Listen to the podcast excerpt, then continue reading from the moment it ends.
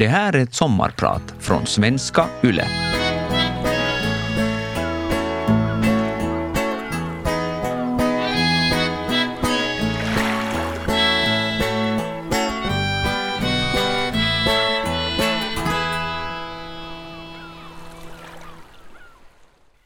Jag kunde känna med mina fingrar att det verkligen var nära nu. Jag kunde se det långa, mörka håret på det pyttelilla huvudet. De aktiva kryssningarna ekade i huvudet. Det stora utdrivningsskedet. Det som jag förberett mig på i så många år. Nu var jag mitt uppe i det. Kunde livet vara med på riktigt? Som jag hade längtat efter den här stunden, och det var inte bara jag som hade längtat. Alla i rummet längtade, men inte på samma sätt som jag. De nervösa föräldrarna längtade efter att få se sitt barn, att äntligen bli en familj. Själv längtade jag efter bekräftelse, att visa att jag dök till det här. Belysningen i förlossningssalen var dämpad och stämningen lugn och fin. Så såg det i alla fall ut på ytan. Men inuti mig rådde fullständigt kaos. Pulsen sköt som en raket i höjden och benen skakade som en asfaltborr på väg ner i jorden. I was all over the place, men som tur var hade jag mina alltför stora gröna arbetskläder på mig. Under kostymen kunde jag gömma min oro. Jag var en 24-årig, nästan färdigutbildad barnmorska och kunde ingenting.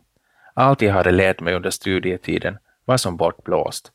Så kändes det i alla fall. Mina tankar vandrade rastlöst i huvudet. Hur skulle det här gå? Mitt jobb var att hjälpa den blivande mamman genom verker och uppgivenhet. Att lugnt och tryggt hjälpa ett barn i världen. Men hur ska den som är fem före panik lyckas skapa ett lugn? Kanske var det min tomma blick som hjälpte mig. De andra i rummet tänkte nog att min blick vittnade om ett lugn, att jag vet vad jag gör. Att tomheten i blicken var ett uttryck för erfarenhet, att jag redan sett allt. Men det var ju helt tvärtom. Jag tittade på min handledare Mirja och hon tittade på mig. Vi såg att det närmade sig. Verkarna blev intensivare och den blivande mamman kunde inte hålla emot längre. Hon krystade för allt vad hon var värd. Hon som skulle komma och ändra allas liv i rummet var så nära. Jag hade bara sett det mörka håret, men nu, nu såg jag hela bakhuvudet och snart två små öron. Och när hon vände sig kunde jag se bebisens mjuka, runda kinder och en fin, liten mun. Vi hade korsat mållinjen, men i några skälvande sekunder stod fortfarande det allt på spel. Sen kom äntligen det förlösande segerprålet. Två människor hade blivit föräldrar och lilla jag, jag hade fått vara med om min första förlossning. Nej, livet kunde nog inte vara med på riktigt. Den tomma blicken rann av mig tillsammans med tårarna som föll. Hur hamnade jag här, mitt bland aktiva kryssningar, spruckna underliv och skrikande blåa, gula och röda bebisar? Jag som är man. Jag som varken tycker att barn är det bästa som finns eller meningen med livet. Mitt namn är Petri Lapas, jag är barnmorska och idag är jag din sommarpratare.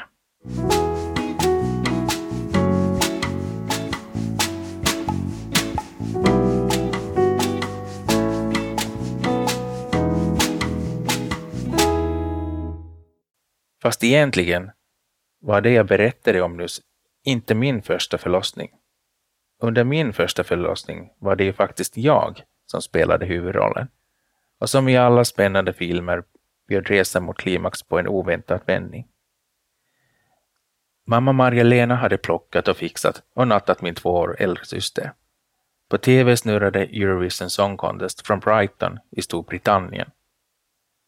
Finland hade det här året 1974 skickat artisten Carita med låten Keep Me Warm till tävlingen och just den här gången kunde Finland nog kanske knipa segern.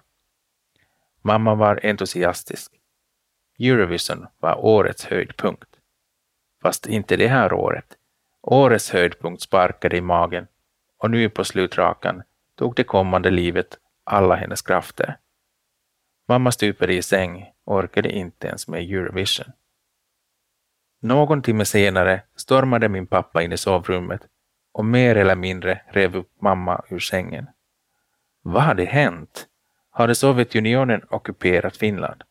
Nej, Sverige hade tagit hem segern i Eurovision. Och det var inte vilka som helst som vunnit, det var ABBA.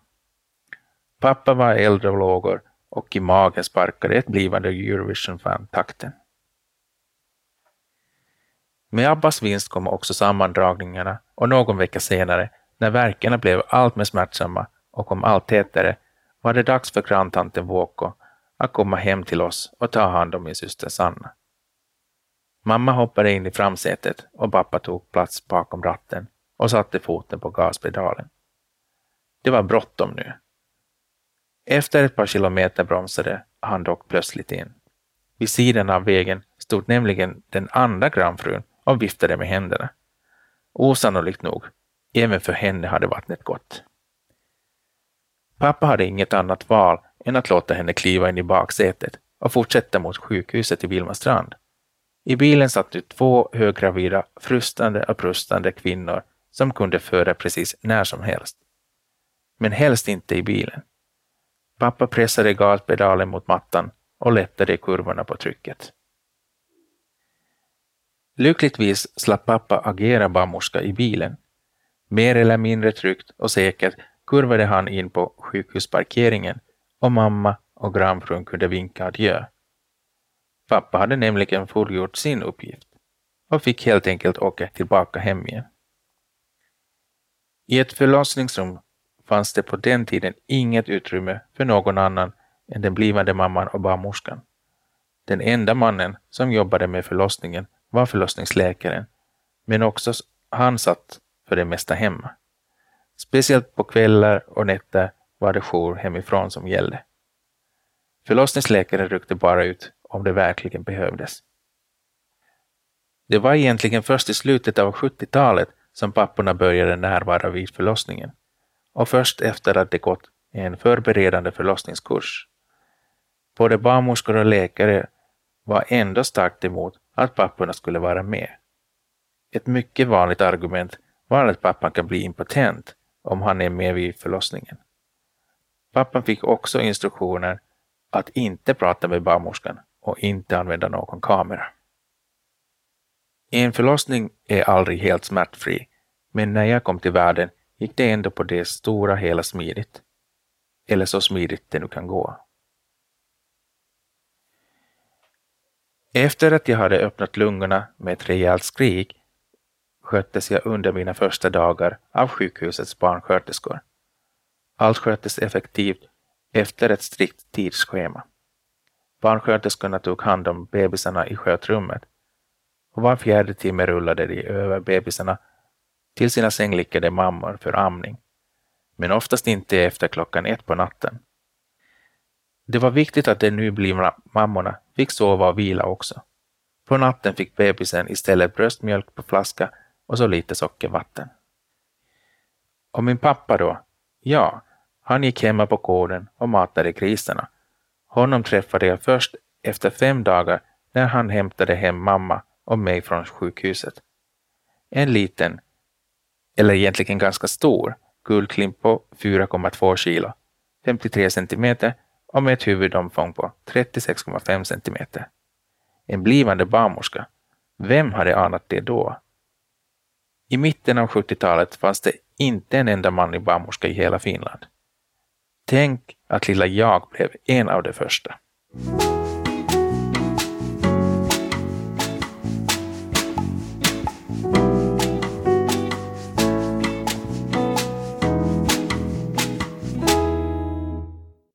Den lilla pojken som föddes år 1974 på sjukhuset Vilmastrand fick namnet Petri Labas.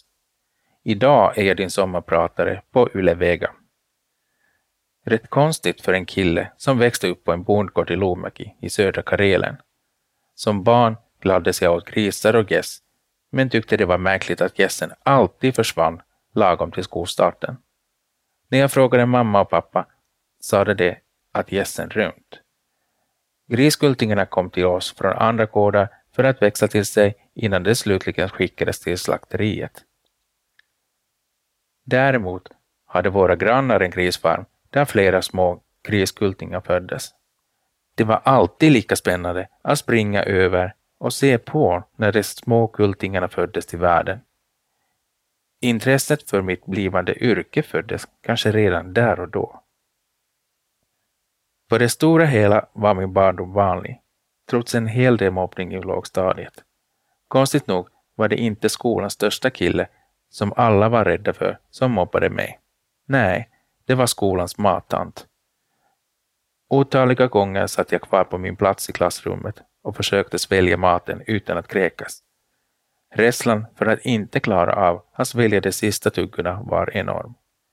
Mattanten såg alltid till att jag satt kvar tills tallriken var helt tom och om jag tagit för lite så slävade hon på lite till. Det gick inte att säga nej. Den här tvångsmatningen satte under många år sina spår på mig och det var egentligen först som vuxen som jag blev av med problemet och kunde börja äta som vanligt. Av mammorna med högst utbildning ammar 80 procent sitt barn ännu då barnet är ett halvt år, medan siffran är 20 procent för mammorna med den lägsta utbildningen.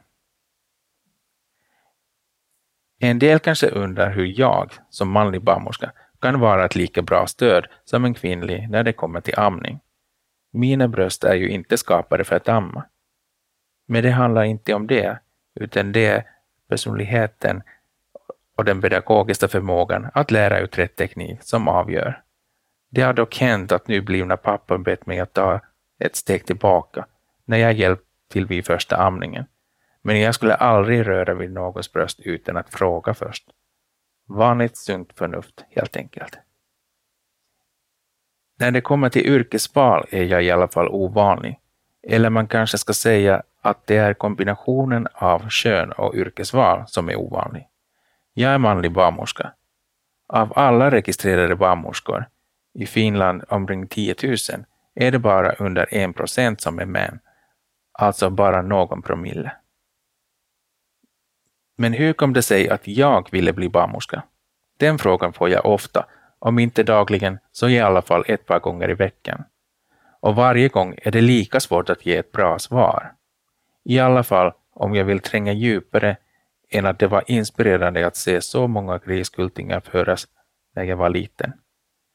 För min del har det mer eller mindre alltid varit klart att jag vill jobba inom sjukvården.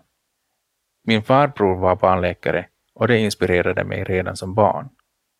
Och de återkommande nattliga sjukhusbesöken på grund av allergier och andningssvårigheter gjorde mig inte rädd, utan enbart nyfiken på dem som bar vit rock. Att ta hand om, stötta och göra skillnad i positiv bemärkelse. Att göra allt det mattanten så kapitalt misslyckades med. Som barn var mitt drömyrke att bli lokförare och jag cyklade ofta ett par kilometer bara för att kunna vinka till tågen som åkte förbi. Det var så spännande att se om lokföraren skulle vinka tillbaka och gjorde han det, för ja, det var alltid en man, blev jag världens lyckligaste. En dag byttes dock glädjen ut mot den djupaste av all tänkbar sorg. När jag stod och väntade på godståget närmade sig från andra hållet ett äldre par som bodde nära oss. Mitt framför mina ögon såg jag hur tåget och bilen närmade sig varandra för att till slut krocka med en smäll. På en obevakad järnvägsövergång dödade kraschen det äldre paret. Jag stod bredvid, maktlös och förtvivlad. Min dröm att bli lokförare gick i kras. Jag iakttog ambulansen som anlände med sina sirener och lampor. Jag såg personalen ge första hjälpen. Gränsen mellan liv och död. Att vara i situationer som verkligen betyder något. Att sträcka ut en hjälpande hand. Ja, att jobba inom sjukvården var nog någonting för mig. Det blev mitt kall.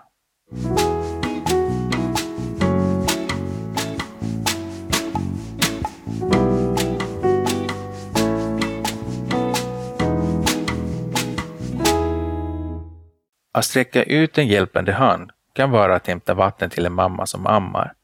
lyfta upp syskonbarnen som faller med cykeln.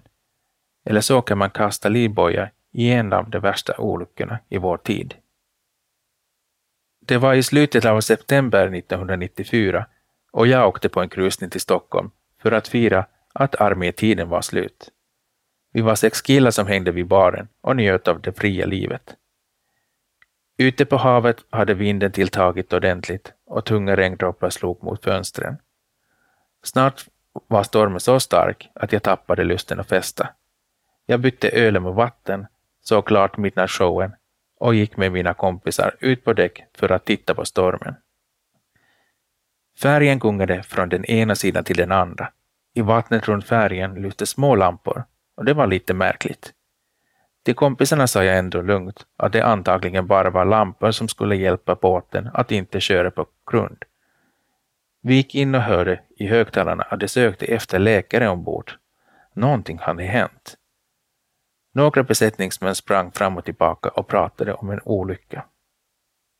Vi gick ut på däck igen och förstod att de små lamporna satt på livflottar och att det satt folk i dem. Dessutom såg vi nu hur människor i flytvästar sprattlade och simmade i vattnet och skrek ”Help, help!” Än en gång infann sig känslan av hjälplöshet. Det bästa jag kunde göra var att kasta en livboj i havet. Andra färjor anlände för att hjälpa till och första räddningshelikoptern surrade nu också ovanför våra huvuden. Vi ombads gå in igen och efter att jag sovit ett par oroliga timmar steg jag upp. Vad var det egentligen som hade hänt? Stormen var fortfarande lika hård och istället för att anlända till Stockholms skärgård var vi fortfarande kvar på samma ställe som när jag gick och la mig. I en bar stod tvn på. En extra nyhetssändning berättade att en annan färja, som hette Estonia, hade sjunkit och över 800 människor saknades. Va? Det kunde inte vara sant. De fyra männen i kalsonger hade varit ombord på Estonia. Hur kunde skeppet sjunka? Sånt hände ju bara inte. Inte i vår tid. Inte här. Sökandet efter överlevande fortsatte hela förmiddagen och först sent på kvällen anlände vi till Stockholm.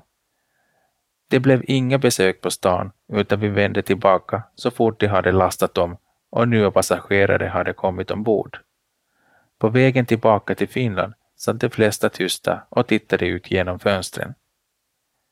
Festerna var inställda och själv gick jag till min hytt och försökte sova. Ännu en gång hade jag bevittnat en dödsolycka.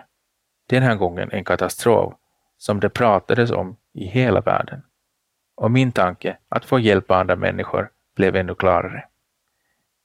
En dröm var att precis som min farbror bli läkare, men under gymnasieåren hade jag insett att betygen inte skulle räcka.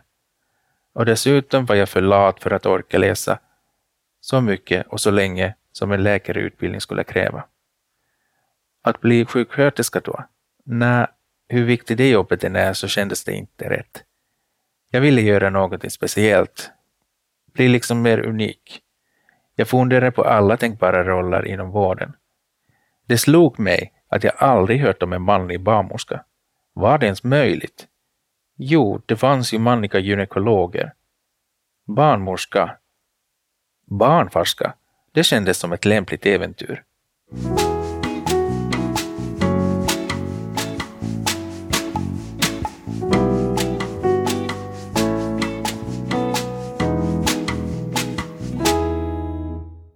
I mitten av 1990-talet lämnade jag bondgården i Lomaki och flyttade till Helsingfors för att studera till barnmorska. Första studentlägenheten delade jag med två narkomaner. Jag hade trott att jag skulle få nya kompisar, men de här två killarna sov på dagarna och festade på nätterna. Efter två veckor, när den ena försökte bränna ner vårt kök, fick jag nog. Jag tyckte synd om mig själv och jag gick med tårarna rinnande nerför kinderna till studentbostadsstiftelsens kontor och bad om en ny lägenhet.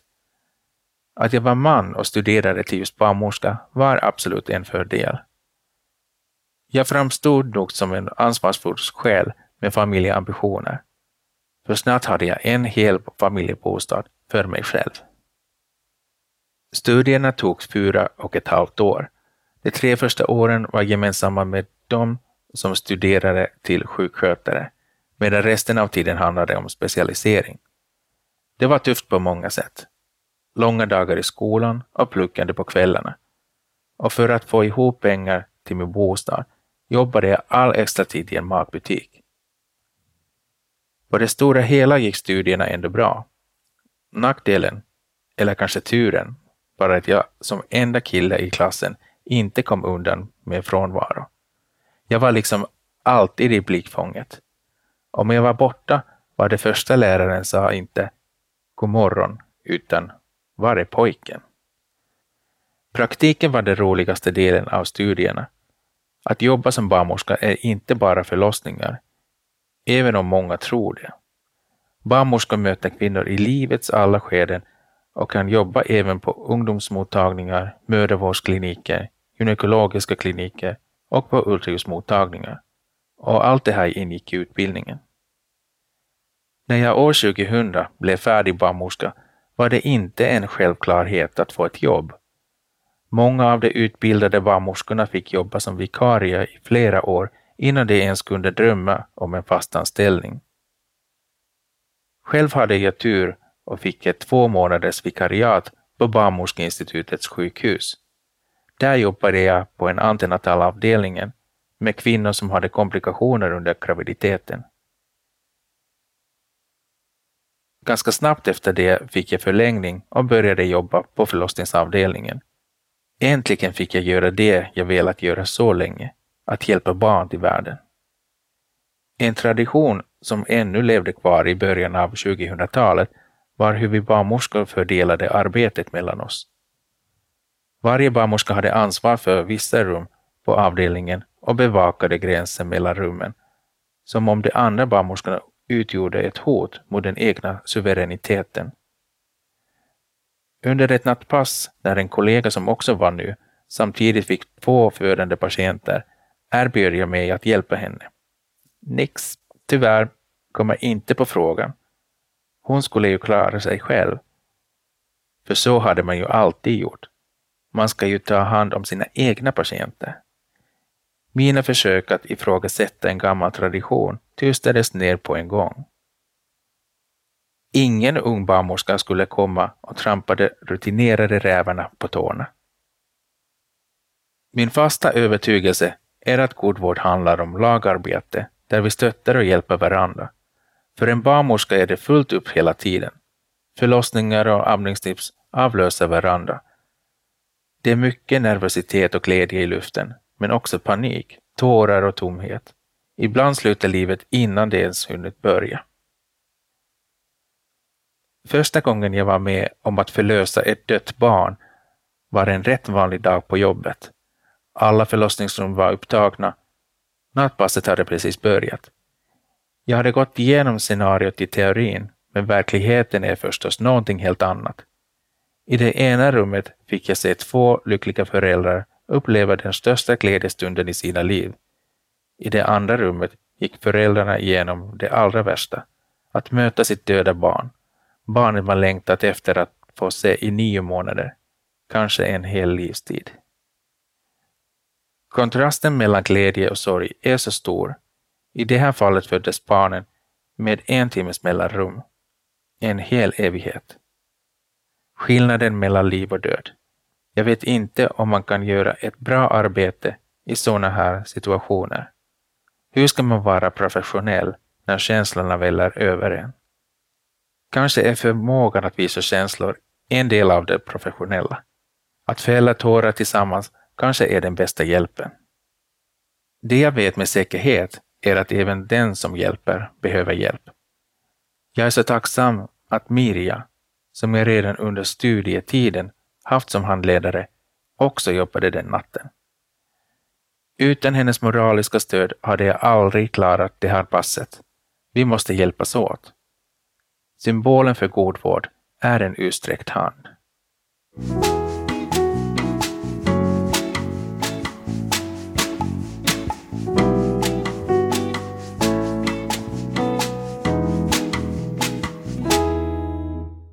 När jag hade jobbat drygt två år i Helsingfors fick jag för mig att googla förlossningssjukhus i Stockholm. För mig, en helt finskspråkig kille som vuxit upp 20 kilometer från ryska gränsen, var det här ändå helt naturligt. Ända sedan jag låg i magen och sparkade i takt till ABBA har Sverige haft en speciell plats i mitt hjärta. Under min uppväxt bodde min morbror i Sollentuna och under tonåren tillbringade jag ofta somrarna hos honom. Att cykla runt och ta bilder på popduon Lilja och Susis barndomshem var svårslaget. Sverige var på något sätt mer spännande. Jag mejlade några av förlossningssjukhusen och frågade om jag fick komma på studiebesök. Och visst fick jag det.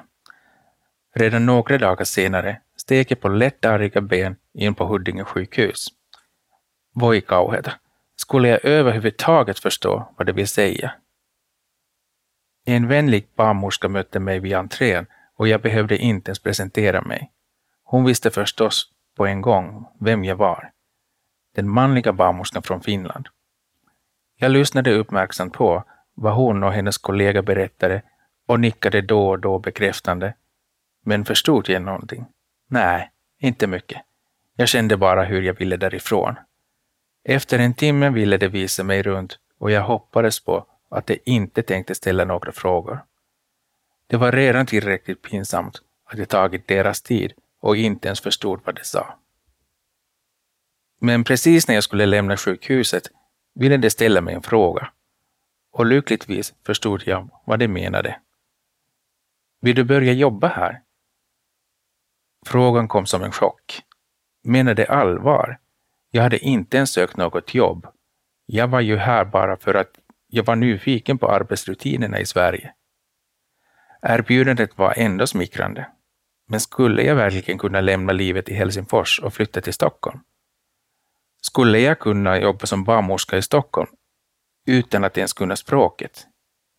Jo, det kanske skulle vara möjligt. Eller kanske var det bara ännu en galen idé. Efter ett par månaders mejlväxling bestämde jag mig. Jag ville ta emot jobberbjudandet. Ganska snabbt förstod jag att det fanns flera stora skillnader mellan förlossningsvården i Finland och Sverige. I Finland hade jag oftast helt ensam hand om två föderskor samtidigt och endast vid själva utdrivningsskedet kom en annan barnmorska och hjälpte mig. I Sverige hade jag däremot hela tiden hjälp av en undersköterska, som är närvårdarens motsvarighet i Sverige. Undersköterskan hjälper till under hela arbetspasset och om allt går som det ska behöver jag inte ens vid utdrivningsskedet kalla in någon annan barnmorska. Samarbetet, den hjälpande handen, var helt enkelt mer utvecklat i Sverige. Arbetet var inte lika uppdelat och hierarkiskt. Under de första veckorna blev jag flera gånger positivt överraskad över hur klinikens läkare satt med oss barnmorskor, kanske tog en kopp kaffe eller åt lunch med oss vid samma bord. När läkarna rundade mina patienter ville de också veta vad jag tyckte.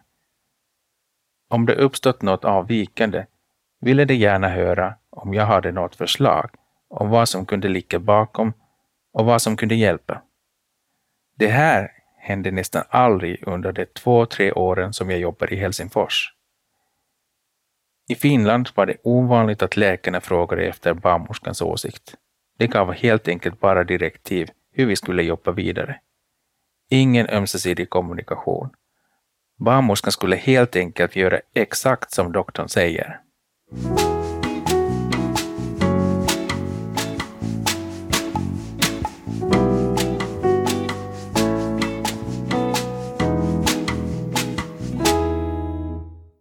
Som manlig barnmorska är man mer synlig. Det bara är så. Hör man till en liten grupp på under en procent i en yrkeskår får man helt enkelt förbereda sig på det. När jag träffar blivande föräldrar händer det, inte ofta, men absolut då och då, att jag ser hur de tänker. Hur ska det här gå till? Ofta ser de ingenting, men ögonen och kroppsspråket talar sitt tydliga språk. Vad vet han om det här? Han har ju inte ens bröst, eller åtminstone inte äggstockar. Under hela min karriär har det ändå bara hänt några gånger att en föderska velat byta ut mig på grund av att jag är man. Och visst, om de verkligen vill byta ut mig så får de göra det. Men det är inte alltid så lätt. Om alla andra barnmorskor är upptagna är det svårt att byta ut mig. En gång valde ett par att åka 50 kilometer till ett annat sjukhus för att slippa mig. En annan gång kom en omföderska in och ville vänta tills en kvinnlig barnmorska blev ledig. Tyvärr slutade det med att hon fick föda helt ensam. För när bebisen kom var alla, även jag, upptagna med andra förlossningar. Jag är ganska säker på att hon ångrade sig. Vid några tillfällen har också papporna känt sig obekväma med mig, men jag ser det inte som diskriminering. Och jag brukar aldrig ta det personligt heller. Målet är att alla ska känna sig bekväma, annars blir det inte bra. Skillnaden på den vård jag ger i jämförelse med mina kvinnliga kollegor handlar inte om kön. Ändå är det just min roll som manlig barnmorska som väcker uppmärksamhet. Många tidningar, både i Finland och i Sverige, har intervjuat mig. Jag har varit med i SVTs klassiska barnprogram Bolibompa och pratat om veckans jobb. Och Danmarks Radio gjorde en dokumentärserie om nordiska män där ett avsnitt handlade om mig och mitt yrkesval. Jag vill dock hellre bli ihågkommen som barnmorska, inte som manlig barnmorska. Jag är stolt över mitt yrke, men i vissa sammanhang försöker jag ändå undvika att berätta vad jag jobbar med. När jag ringde till Helsingfors magistrat och handläggaren fick veta att jag är barnmorska utvecklades det korta formella samtalet till en lång, känslosam utläggning kring hennes många och svåra förlossningar. Och det här händer faktiskt då och då. Nu för tiden har jag börjat svara att jag jobbar inom vården. På fritiden orkar jag helt enkelt inte med alla dessa berättelser om just deras katastrofala, märkliga och alldeles, alldeles underbara förlossning. På fritiden vill jag i regel inte heller utveckla relationen till mina patienter. En gång blev jag hur som helst uppraggad av en nybliven pappa på krogen. Han ville tacka för fin vård och även ta det så att säga steget vidare. Jag tackade nej. Och en annan gång har det tydligen gjort ett extra bra intryck på en singelmamma. Det är inte så ovanligt att många som fött barn vill komma och träffa sin förlossningsbarnmorska igen, kanske gå igenom sin förlossning eller bara tacka. Men när den här singelmammans besök började upprepas vecka efter vecka och min telefon började bli full av lite väl vänliga sms, så fick jag sätta stopp. Jag var inte ute efter något förhållande och inte heller få några barn på köpet. Har jag sagt det? Jag är visserligen barnmorska, men egna barn, det vill jag inte ha.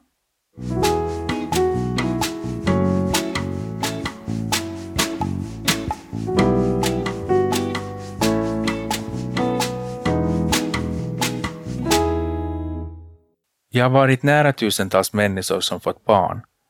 Jag har varit med på hundratals förlossningar. Jag har glatts med vänner som fått barn. Och själv är jag dessutom morbror till tre härliga grabbar. Men jag har inga egna barn och att skaffa barn är inte något som jag kan se som en självklar del av mitt liv. Att jag stått bredvid så många föräldrar som med glädjetårar i ögonen tagit emot sitt barn har bara förstärkt min tanke. Nej, jag vill inte ha egna barn. Men hur konstigt är det att jag som alltid varit barnkär väljer bort dem frivilligt? Det finns föreställningar att alla vill gifta sig och skaffa barn. Gör man inte det ses det som ett misslyckande eller att man på något sätt är självcentrerad. Men den synen har jag inte jag. Jag har varit ensamstående sedan jag lämnade hembyn i Lomaki och flyttade till Helsingfors. Men jag har aldrig varit ensam. Mina syskonbarn betyder jättemycket för mig. Vi ses fem, sex gånger per år och för dem är jag tokiga med snälla morbror från Sverige som kommer på besök. Och precis som jag gillade att besöka min morbror i Sverige när jag var liten, tror jag också att det är jättespännande för dem att komma och hälsa på mig. Jag älskar att göra saker med dem, gå på tivoli, ha biokväll, shoppa och njuter verkligen av varje stund. Det räcker för mig. Att barn är det bästa som finns, eller meningen med livet, är inte min åsikt. Ända sedan jag var tonåring har jag sagt till min mamma att jag varken ska gifta mig eller ha barn. Och jag är så tacksam för min familj, att de har förståelse för vad jag värdesätter. Att de respekterar min frihet att få uppleva saker och leva mitt liv utan egna barn. Och det handlar inte om egoism. Det största i mitt liv är min familj i Finland, mina vänner över hela världen och mitt jobb. Jag älskar stimmiga middagar, sällskapsspel och både Kanarieöarna och Karibienkryssningar. Men vill mina gudbarn och syskonbarn komma och hälsa på mig står dörren alltid öppen. Jag har alltid tid för dem. Och jag kommer alltid sträcka ut en hjälpande hand. Min familj har alltid stöttat mig i både mitt privatliv och yrkesliv. Och jag tror till och med att mamma tycker det är häftigt att den son hon år 1974 födde i förlossningssalen med de kalla vita väggarna blivit en färggrann man som sticker ut lite. För min mormor var mitt liv dock svårare att smälta. Att hennes dotters son blev barnmorska var för henne nog lite pinsamt. Det är nog bäst att inte berätta om det här för någon. Mitt namn är Petri Lapas och idag har jag varit din sommarpratare.